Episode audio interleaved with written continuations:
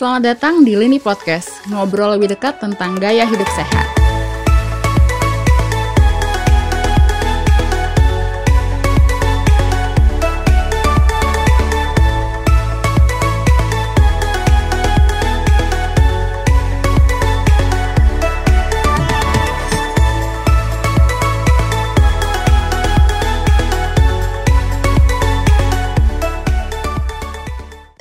Sobat Sehat, kembali lagi bareng saya Suci Augina. Senang sekali bisa berjumpa kembali bersama Sobat Sehat semua. Beberapa sahabat sehat mungkin banyak yang belum paham ya bahwa dalam tubuh orang yang sehat terdapat lemak putih dan juga lemak coklat. Kedua lemak ini tentu tidak sama karena keunikannya ini lemak coklat memiliki manfaat tersendiri yang perlu sahabat sehat pahami. Lini Podcast episode kali ini akan membawakan topik terkait keunikan dan manfaat lemak coklat. Telah hadir bersama kita saat ini narasumber yang pastinya sudah tidak asing lagi, yaitu Profesor Dr. Harinsyah MS, Guru Besar Ilmu Gizi FEMA IPB University, Ketua Umum Asosiasi Institusi Pendidikan Tinggi Gizi Indonesia, dan juga Ketua Umum Perhimpunan Pakar Gizi dan Pangan, Pergizi Pangan Indonesia. Apa kabar Prof. Hardi? Kabar baik. Kak Suci, Kak Suci gimana? Alhamdulillah saya juga baik, Prof. Alhamdulillah, udah lama nggak jumpa nih. Iya, baru jumpa lagi, Prof. Iya. Nah, Prof, kali ini kita akan membahas tentang lemak coklat nih, Prof.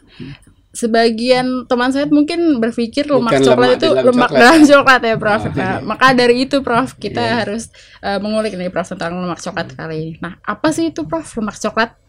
Ya, jadi yang jelas bukan yang enak di dalam coklat ya. jadi dalam bahasa Inggrisnya sebenarnya brown adipose tissue. Brown jadi jarangan jaringan uh, adipose lemak yang coklat. Memang berwarnanya coklat. Selama ini kan kalau kita lihat gajih kalau makan sate ya, Mm. itu kan putih ya. Putih, Cuman karena dibumbui kacang jadi rada kecoklatan. Tapi bukan bukan itu yang dimaksud lemak coklat ya. Jadi eh, di dalam tubuh kita sebenarnya ada tiga jenis lemak ya. Lemak putih, lemak coklat, ada transisi di antara putih dan coklat ya.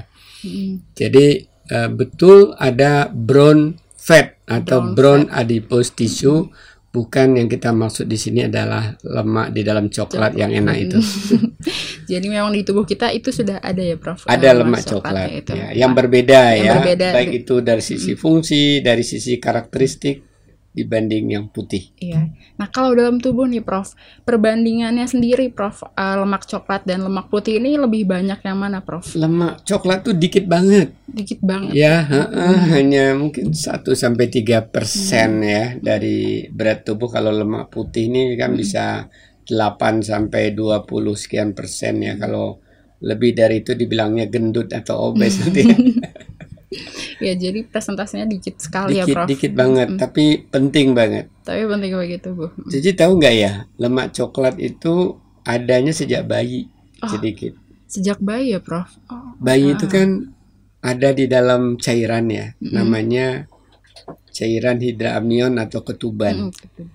ya. Nah, itu cairan memang suhunya sama dengan suhu tubuh ibunya ya. Hmm. Tapi ketika dia lahir ke dunia, harusnya tuh si bayi merasa kedinginan gitu ya. Hmm. Iya. Tapi Berbeda dibekali. Tuhan. Mm. ya lemak coklat sehingga tubuhnya hangat meskipun basah berdarah. Hmm. Itu basah berdarah kalau kita sekarang Mm. basah berdarah itu rasanya pasti berair dingin ya. Iya. Apalagi langsung di dilapin tapi oleh bidan kan sama dokter kan langsung dibedong ya. Tapi ada cara menghangatkan tubuh bayi udah diciptakan tuh salah satunya brown fat ini. Mm-mm. Jadi sejak bayi sebenarnya sudah ada ya Prof supaya bayi juga nggak menggigil gitu ya Prof Iya. ketika lahir eh, karena perbedaan suhu itu. Tapi berikutnya mah bertambah umur Ah, berta- bertambah umur. berkurang ya, Oh, berkurang tergantung ya, Prof. gaya hidup kita. Nah, di sini barangkali kita eh, diskusikan ya, gimana dia kok jadi turun, gimana menaikkannya lagi dan gunanya apa gitu. Nah sebelum itu nih Prof, Ya. eh, di mana aja sih Prof letak brown fat ini Prof atau lemak coklat ini Ya. di dalam tubuh? Ya, dia di sekujur dari eh, tengkuk ini, leher Dari leher. ke belakang sampai ke pinggul, tapi di bagian eh, leher belakang ini lebih banyak dibanding di punggung dan kemudian di bawah ini eh, pinggang lebih banyak lagi. Mm-mm. Jadi posisinya uh, nggak ditemukan di kaki di ini Hmm. enggak. Jadi dia Lebih- khusus tempatnya gitu ya. Jadi Karena ya- itu sering kali ya coba deh kalau pegang ya itu Mm-mm. anget di sini kan. Oh iya. Jadi Jadi- kalau ini sering anget itu berarti brown fatnya bagus. Tapi kalau Oh. dingin di sini berarti brown fatnya Oh, sedikit. iya. Nah, eh, Prof, selain itu ya, Prof, eh, apakah ada perbedaan dan keunikan sendiri nih, Prof, antara lemak putih dan juga lemak coklat ini, Prof? Iya. Perbedaan mendasar pertama dari sisi karakteristiknya ya namanya sel itu kan ada eh, bagian-bagiannya. Salah satunya ada mitokondria. Hmm. Nah, di dalam lemak putih ya itu ada apa ya droplet droplet itu apa ya Eh buletan Ah, buletan lemak gede lemaknya kemudian ada inti sel kecil di pinggirnya sama mitokondria hmm. yang biasanya ya paling jumlahnya satu ya. Eh, setiap eh, butir atau eh, sel dari lemak putih. Tapi kalau lemak coklat, Hmm. oh jadi kiri kanan ya, kan beda yang kiri sama yang kanan. Lemak coklat itu droplet butir lemaknya itu kecil-kecil, Hmm. sedikit jumlahnya kalau ditotalin, yang banyak itu mitokondrianya. Hmm. Karena dia mitokondria kan kita tahu fungsinya kan menghasilkan energi ya, kayak pembangkit eh, listriknya. Nah, karena itu dia jadi eh, berwarna coklat karena memang dia bukan cadangan energi. Kalau ini cadangan energi, kalau ini membangkitkan energi Hmm. karena bisa puluhan dan eh, ratusan mitokondria. Hmm. Jadi banyak mitokondrianya, banyak pembangkit energinya. Jadi begitu mudah eh, menghasilkan panas. Energi. Ya, jadi panas. Itu jadi panas. Anget-anget lah. Nah, Prof, eh, kan semakin dewasa itu semakin sedikit ya, Prof.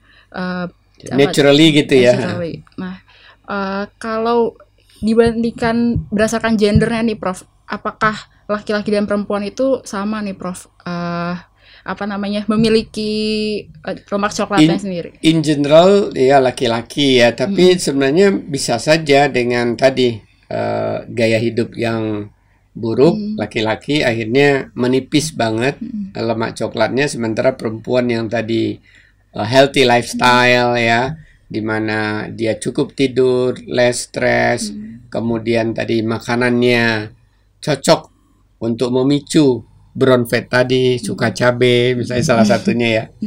Suka yang pedas ya. Ini tentunya tergantung ya. Ada orang semakin tua khususnya nggak sanggup makan yang pedas Hmm. tapi bisa dilakukan yang lain. Suka berada di tempat yang dingin. Mm-mm. jadi Tuhan luar biasa ya. Buat orang di daerah dingin cara suhu. Buat orang yang tidak di daerah dingin ada cabai Mm-mm, bisa ya. makan pedas. A- a- ada lagi yang lain. Ada bawang ya. Mm. Kemudian kalau di daerah dingin juga kan itu ada di dalam biji anggur itu kan ada namanya eh, resveratrol ya, Mm. satu komponen antioksidan yang itu juga meningkatkan eh, apa eh, lemak coklat tadi. itu ya, Prof. Nanti bisa kita bicarakan lah. Nah, kalau eh, fungsi dari lemak coklatnya sendiri nih, Prof, untuk kesehatan dan juga kehidupan kita nih, Prof. Wah luar biasa sebenarnya ya. Bayangkan kalau tubuh kita nggak anget, Mm. beda dua derajat aja barangkali kita sudah berpulang ya. Iya. Karena itu sering kali kan sekarang masuk mall diperiksa ya berapa 36, koma sekian, 37, koma sekian. Coba kalau 35, 34. Iya. Jadi dia eh, apa ya bersifat termogenesis menghasilkan panas, Hmm. menghasilkan panas membuat tubuh kita eh, anget tadi dan berarti pertama untuk kehidupan dalam arti kesehatan intinya orang bisa mengelola lemak tubuhnya rendah itu kalau semakin banyak lemak coklatnya kemudian lemak putihnya yang berlebihan tadi bisa dikurangi sehingga dia tidak tampak buncit tidak tampak apa melembar gitu ya Eh, eh, tampak Bergelambir gitu ya. bergelambir gitu lemak-lemaknya nah jadi dengan tadi lemak coklat tadi bekerja maka otomatis eh, kita bisa eh, mengurangi eh, timbunan lemak. Artinya kan bagus untuk menormalkan berat badannya. Jadi kalau ingin langsing, maka perlu aktivitas dan makanan yang bisa mendukung lemak coklat tadi perlu kita lakukan dan perlu kita uh, asup gitu ya. Itu kalau dari sisi normal-normal hidup sehat ya. Kalau misalnya olahraga misalnya. Kalau kita ingin menghasilkan atlet yang dalam waktu 45 jam nggak perlu ganti pemain, babak pertama sepak bola itu berarti dia harus punya tidak berarti cadang cadangan lemak, tapi yang siap dipakai. Jadi kalau lemak coklat itu siap dipakai energinya. Kalau lemak coklat itu kan harus nunggu dulu gula habis Kalau lemak baru putih ya, dia eh, eh, lemak putih tadi ya Iya. baru dirubah jadi keton, keton ke glukosa kan proses lagi. Iya. lama. Ya enggak enggak energi instan ya. Kalau di dinding ini ada plak listrik kan dicep langsung keluar energinya kan. Iya. Nah, jadi untuk dunia pembinaan atlet bukan atlet yang main catur ya. Kalau main catur kan itu punya cukup eh, energi pelan lama-lama. Ini kan tinju misalnya. Hanya dalam hitungan berapa? Tiga menit dia harus menjatuhkan lawan. Hmm. Jadi begitu dahsyat harus dimiliki energi misalnya. Berarti lemak coklat harus luar biasa dia miliki kan. Sepak bola, badminton ya. Yang dalam waktu hitungan 7 menit harus sudah 3-5 set selesai misalnya. Jadi implikasinya di dalam kesehatan, dalam dunia olahraga, Olahraga. prestasi ya, juga untuk lari jarak pendek gitu ya. Banyak ya Prof ternyata. Banyak sekali. Ah, kesehatan, olahraga, prestasi juga bisa ya Prof. Berarti eh, secara tidak langsung lemak coklat ini berperan untuk menurunkan berat badan itu bisa Prof. Ya bisa itu dalam kondisi itu tadi Dalam untuk kesehatan yang, ya, ah, normal kesehatan. bukan untuk olahraga. Nah, Prof, saya itu pernah baca nih, Prof, dalam Hmm. eh, sebuah artikel eh, bahwa katanya eh, lemak coklat ini lebih banyak ditemukan pada yang tubuhnya lebih kurus atau langsing ya, Prof, dibandingkan yang gendut itu Ya bagaimana? sebenarnya itu uh, hubungan uh, sebab akibat ya karena dia tadi lemak coklatnya tinggi maka sumber energinya artinya gini kalau kita tadi makan uh, karbohidrat itu kan sebagian digunakan untuk dibakar di mitokondria mitokondrianya banyak berarti kan glukosanya nggak numpuk. Kalau glukosa nu- numpuk di darah maka dia akan dikirim uh, oleh apa insulin ya untuk sebagian disimpan kan. Jadi lemak putih. Jadi berarti kan lemak putihnya nggak dia nggak nyimpan lemak putih berarti. Karena selalu di, digunakan karena banyak mitokondrianya tadi. Nah, Prof, eh, kalau begitu bagaimana sih, Prof, caranya kita mengukur eh, kadar lemak coklat dalam tubuh kita, Prof? Ya sebenarnya itu dengan alat yang cukup uh, canggih ya dengan metode scan ya. Jadi bisa diukur uh, diketahui terutama tadi dengan foto scan di bagian belakang ya mulai dari leher ke atas belakang sampai ke pinggul ini. Nanti dari situ alat tadi bisa seperti bagaimana uh, men-scan bayi di dalam apa uh, kehamilan ya. Hmm, USG gitu. Ya, dalam dengan cara USG sehingga ketahuan dengan hukum integral diferensial luas luas tiga dimensi gitu ya. Oh, ini sekian gram gitu atau sekian persen dari total lemak. Jadi dengan cara eh, scan USG gitu bisa bisa terlihat ya, Prof. terlihat dan diukur. Dan diukur, ya. Ya. Nah, Prof, eh, kan eh, apa lemak coklat ini berbeda ya, Prof, manfaatnya seharusnya bagi bayi dan dewasa ya, Prof. Hmm. Nah, itu bagaimana sih, Prof? Apa apa perbedaannya gitu? Ya kalau pada bayi kan mereka, dia belum bisa berlari ya. Kalau kedinginan dia langsung ngambil baju enggak. Kalau orang dewasa kan kedinginan dia ambil Oh, baju, dia pakai jaket kan. Kalau bayi nah diciptakan Tuhan ketika si bayi ini adalah kondisinya pasif kalau nggak ada orang. Tapi kan nyatanya ketika melahirkan tadi direncanakan, bayi ada orang melahirkan bayi di kolam kan. Iya, ada Prof. Cara sekarang. melahirkan. itu bayangin itu kan kalau logika pikir kita kalau dia nggak punya brown fat kedinginan Iya, tapi ada brown fat ya. iya. Jadi menjaga suhu. Ya, nah kalau buat orang dewasa sebenarnya respon kita dingin kita me- menggigil, respon tubuh kita akan mencari selimut, mencari pakaian ini itu uh, refleks dalam arti mengatasi masalah kan. Hmm. Tapi sebenarnya kalau itu misalnya ditunda, Hmm. ya ditunda saja, misalnya sejam dua jam, itu justru bermanfaat. Hmm. Kecuali udah tua ya dari masuk Iya. angin. ya karena semakin tua juga semakin sedikit ya Prof. Iya. bermanfaatnya. Ya baik. eh, kalau begitu banyak sekali ya Prof manfaatnya sebenarnya. Walaupun kadarnya kecil di dalam tubuh, tapi manfaatnya juga luar biasa ya Prof. Iya. Dan eh, untuk mengukurnya juga bisa memakai alat yang namanya fotometri. ya tadi atau ya. si US, prinsip USG, USG, lah, prinsip ya, USG, scan Prof, ya. ya, scan. Nah, Prof terakhir nih, eh, apakah ada pesan nih dari Prof Harin untuk sobat sehat di rumah sana yang sedang menonton Iya. terkait topik kali ini, Prof? Terima kasih banyak ya eh, Kak Suci me- memancing diskusi untuk ini sehingga eh, hal yang baru sebenarnya. Brown coklat ini ya tahun 80-an lah Eh, mulai dikenalnya pada orang dewasa dulu pada anak-anak dan dikira pada orang dewasa nggak ada ternyata ada. Dan eh, tahun demi tahun sampai awal eh, abad ini sehingga itu dianggap semakin penting untuk dikelola.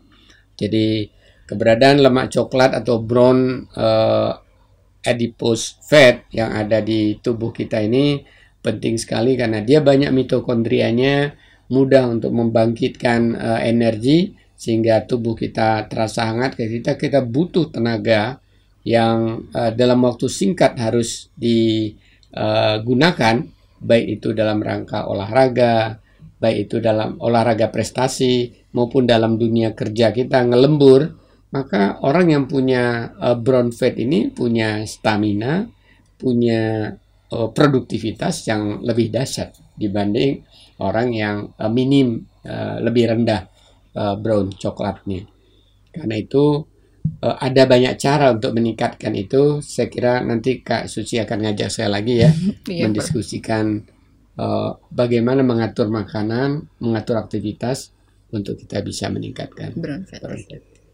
Baik, terima kasih banyak Prof Hardin atas informasi dan Sama-sama. diskusinya kali ini. Itulah tadi diskusi bareng Prof Hardin. Banyak banget manfaat dan ilmu yang bisa saya dan sobat sehat dapatkan terkait topik keunikan manfaat lemak coklat. Nah, sobat sehat semua, jangan lupa untuk tetap ikuti Rini Podcast dan berbagai video informasi menarik lainnya terkait gaya hidup sehat di YouTube Rini Sehat. Jangan lupa share, like, dan subscribe, serta nyalakan lonceng notifikasi agar kamu tidak ketinggalan video terbaru dari Rini Sehat. Tetap jaga kesehatan di mana pun sobat sehat berada.